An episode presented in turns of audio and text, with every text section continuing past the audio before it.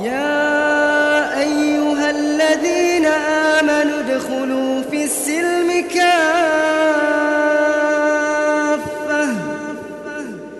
ادخلوا في السلم كافة.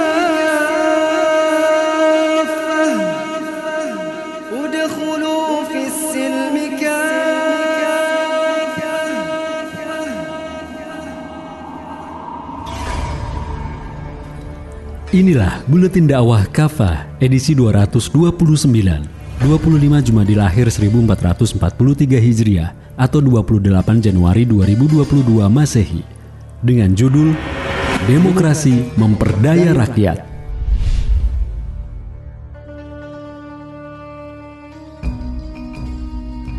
Rencana pemindahan ibu kota negara akan mulai direalisasikan dalam waktu dekat. Di tengah pandemi yang belum tuntas, perekonomian yang belum pulih, puluhan juta rakyat menjadi miskin dan utang luar negeri yang hampir mencapai 7.000 triliun rupiah, pemerintah tetap bersikukuh memindahkan ibu kota ke daerah Penajam Pasar Utara, Kalimantan Timur. Banyak pihak mempertanyakan kebijakan yang telah disepakati para wakil rakyat dan pemerintah ini. Selain dinilai tidak mendesak, banyak persoalan lain seperti kelayakan lokasi, nasib warga sekitar, dan dampak lingkungannya. Yang paling krusial adalah siapa sebenarnya yang paling diuntungkan dari proyek pembangunan ibu kota baru ini.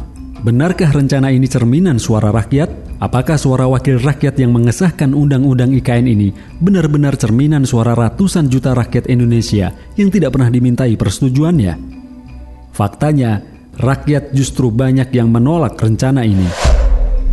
Bahkan warga Kalimantan Timur yang jadi lokasi pembangunan IKN, khususnya warga Penajam Pasar, juga merasa tidak pernah dimintai persetujuannya. Muncul kecurigaan kalau pembangunan IKN ini hanya akan menguntungkan kaum oligarki, terutama para pemilik lahan dan investor lokal maupun asing, bukan untuk rakyat. Rakyat tak berdaulat. Bukan pertama kali pemerintah dan wakil rakyat mengesahkan undang-undang yang merugikan rakyat. Undang-undang Cipta Lapangan Kerja, Undang-undang Minerba, pencabutan subsidi energi seperti BBM dan gas dan Undang-undang Ormas baru sebagian kecil produk hukum yang menyengsarakan rakyat. Padahal dalam sistem demokrasi dikatakan rakyat yang berdaulat. Segala undang-undang, hukum, dan peraturan haruslah bersumber dari rakyat Vox Populi, Vox Dei. Suara rakyat adalah suara Tuhan. Keberadaan lembaga perwakilan rakyat adalah sebagai penyambung lidah rakyat untuk menyuarakan aspirasi mereka kepada pemerintah.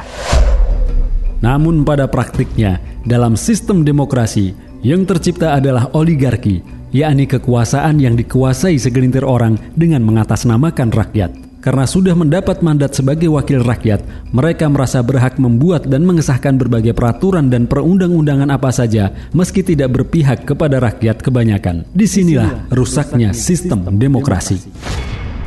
Demokrasi juga menciptakan peluang bagi lolosnya kepentingan segelintir kaum kapitalis dengan jalan membuat undang-undang Apalagi banyak pengusaha yang juga duduk sebagai wakil rakyat. Ada sekitar 45,5 persen atau 262 orang dari 575 anggota DPR 2019-2004 yang pengusaha. Dalam DPR 2014-2019 malah ada 52,3 persen atau sekitar 293 orang dari 560 anggota yang pengusaha. Hal ini berpeluang memunculkan konflik kepentingan antara rakyat dan para pengusaha. Soal undang-undang yang dibuat sesuai pesanan yang disponsori pihak tertentu pernah diungkap Menko Polhukam Mahfud MD pada tahun 2019. Mahfud menyatakan, problem kita itu sekarang adalah membuat aturan hukum itu sering kacau balau. Ada hukum yang dibeli, pasal-pasalnya dibuat karena pesanan itu ada. Undang-undang yang dibuat karena pesanan perda juga ada, disponsori oleh orang-orang tertentu agar ada aturan tertentu. Dikutip dari newsdetik.com 19 Desember 2019. Ironinya, semua kepentingan kaum elit itu disahkan atas nama rakyat.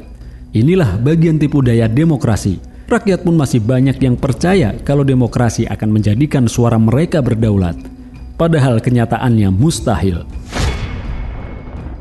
Negara pelindung umat Sistem demokrasi berbeda dengan sistem pemerintahan Islam. Sama sekali tak ada kemiripan di antara keduanya, baik secara asas maupun aturan yang dilahirkan. Perbedaan itu terletak pada sejumlah hal. Di antaranya, pertama, dalam Islam, kedaulatan atau hak membuat hukum ada di tangan syariah, bukan pada rakyat maupun penguasa. Kewajiban pemerintah adalah mengurus rakyat dengan menerapkan hukum-hukum Allah Subhanahu wa taala, bukan sebagai pembuat hukum. Allah Subhanahu wa taala berfirman, Hendaklah kamu memutuskan perkara di antara mereka menurut wahyu yang telah Allah turunkan dan janganlah kamu mengikuti hawa nafsu mereka. Berhati-hatilah kamu terhadap mereka supaya mereka tidak memalingkan kamu dari sebagian wahyu yang telah Allah turunkan kepadamu. Jika mereka berpaling dari hukum yang telah Allah turunkan, maka ketahuilah bahwa Allah berkehendak untuk akan menimpakan musibah kepada mereka disebabkan sebagian dosa-dosa mereka. Sesungguhnya kebanyakan manusia adalah kaum yang fasik. Terjemah Quran Surat Al-Maidah ayat 49 Karena hukum yang berlaku berasal dari wahyu Allah Subhanahu wa taala, tentu tak ada celah bagi penguasa untuk membuat hukum yang akan menguntungkan dirinya dan kelompoknya. Beda dengan sistem demokrasi, hukum dibuat oleh manusia sesuai pesanan dan kepentingan pihak yang mensponsorinya. Apalagi keimanan yang terpatri dalam dada apalagi keimanan yang terpatri dalam dada membuat penguasa takut terhadap ancaman Allah Subhanahu wa taala jika mengkhianati amanah untuk mengurus umat. Mereka lebih takut terhadap siksa Allah ketimbang sogokan, iming-iming, atau ancaman kaum oligarki. Kedua, di dalam Islam ada majelis umat yang berfungsi menyampaikan aspirasi rakyat dan menjalankan fungsi amar ma'ruf nahi mungkar.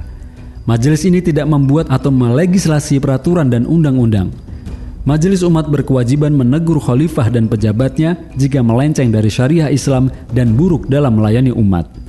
Haram hukumnya anggota majelis umat mendiamkan kemungkaran yang dilakukan penguasa, apalagi bersekongkol dengan mereka.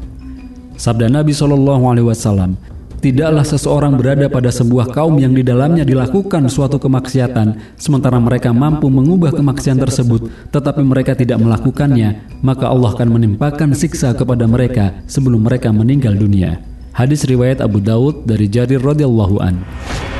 Ketiga, Khalifah sebagai penguasa wajib menjadi pelindung umat. Ia layaknya perisai yang melindungi orang yang berperang dari serangan musuh. Nabi Shallallahu Alaihi Wasallam bersabda, Sesungguhnya imam atau khalifah itu laksana perisai. Orang-orang berperang di belakangnya dan dia digunakan sebagai tameng. Jika dia memerintahkan ketakwaan kepada Allah Azza wa Jalla dan berlaku adil, maka dengan itu dia akan mendapatkan pahala. Namun jika ia memerintahkan yang lain, maka dia akan mendapatkan dosa atau azabnya. Hadis riwayat Al-Bukhari dan Muslim. Negara diamanahi kewajiban mengurus kebutuhan umat dan melindungi hak-hak mereka dari kezaliman. Imam Syafi'i menyebut penguasa harus memandang rakyat sebagai anak yatim. Wali yang mengasuh anak yatim harus memperhatikan kebutuhan mereka sebaik-baiknya. Ia tidak boleh memakan harta anak yatim, melainkan sekedarnya untuk hidup. Ia pun haram menipu, apalagi merampas hartanya. Beliau berkata, kedudukan seorang pemimpin terhadap rakyatnya seperti kedudukan seorang wali terhadap anak yatim mengabaikan kebutuhan rakyat, menipu mereka, apalagi untuk membela kepentingan kalangan orang berduit adalah pengkhianatan terhadap Allah dan Rasul-Nya. Nabi Shallallahu Alaihi Wasallam bersabda, tidaklah seorang hamba yang Allah beri wewenang untuk mengurus rakyat mati pada hari dia mati, sementara dia dalam kondisi menipu rakyatnya, melainkan Allah mengharamkan bagi dia surga. Hadis riwayat mutafaku alaih. Keadilan hanya dalam Islam. Wahai kaum muslim, sesungguhnya tidak ada yang bisa memberi keadilan dan pembelaan pada umat kecuali syariah Islam.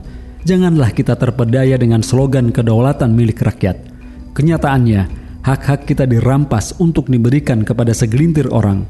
Padahal Allah Subhanahu wa taala telah mengingatkan, "Hai manusia, apakah yang telah memperdayakan kamu untuk berbuat durhaka terhadap Tuhanmu yang Maha Pemurah?"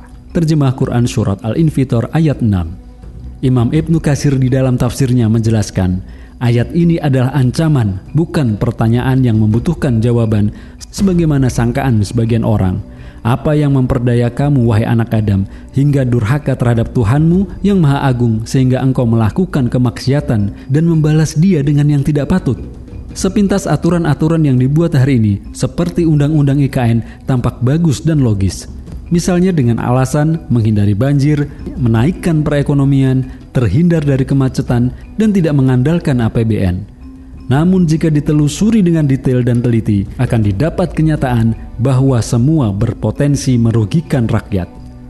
Karena itu, jika kita mengharapkan kebijakan yang berpihak pada rakyat, semua itu hanya ada dalam Islam. Bersegeralah, belum cukupkah umat berkali-kali diperdaya oleh kaum oligarki dengan mengatasnamakan kedaulatan rakyat? Wallahu a'lam bishawab.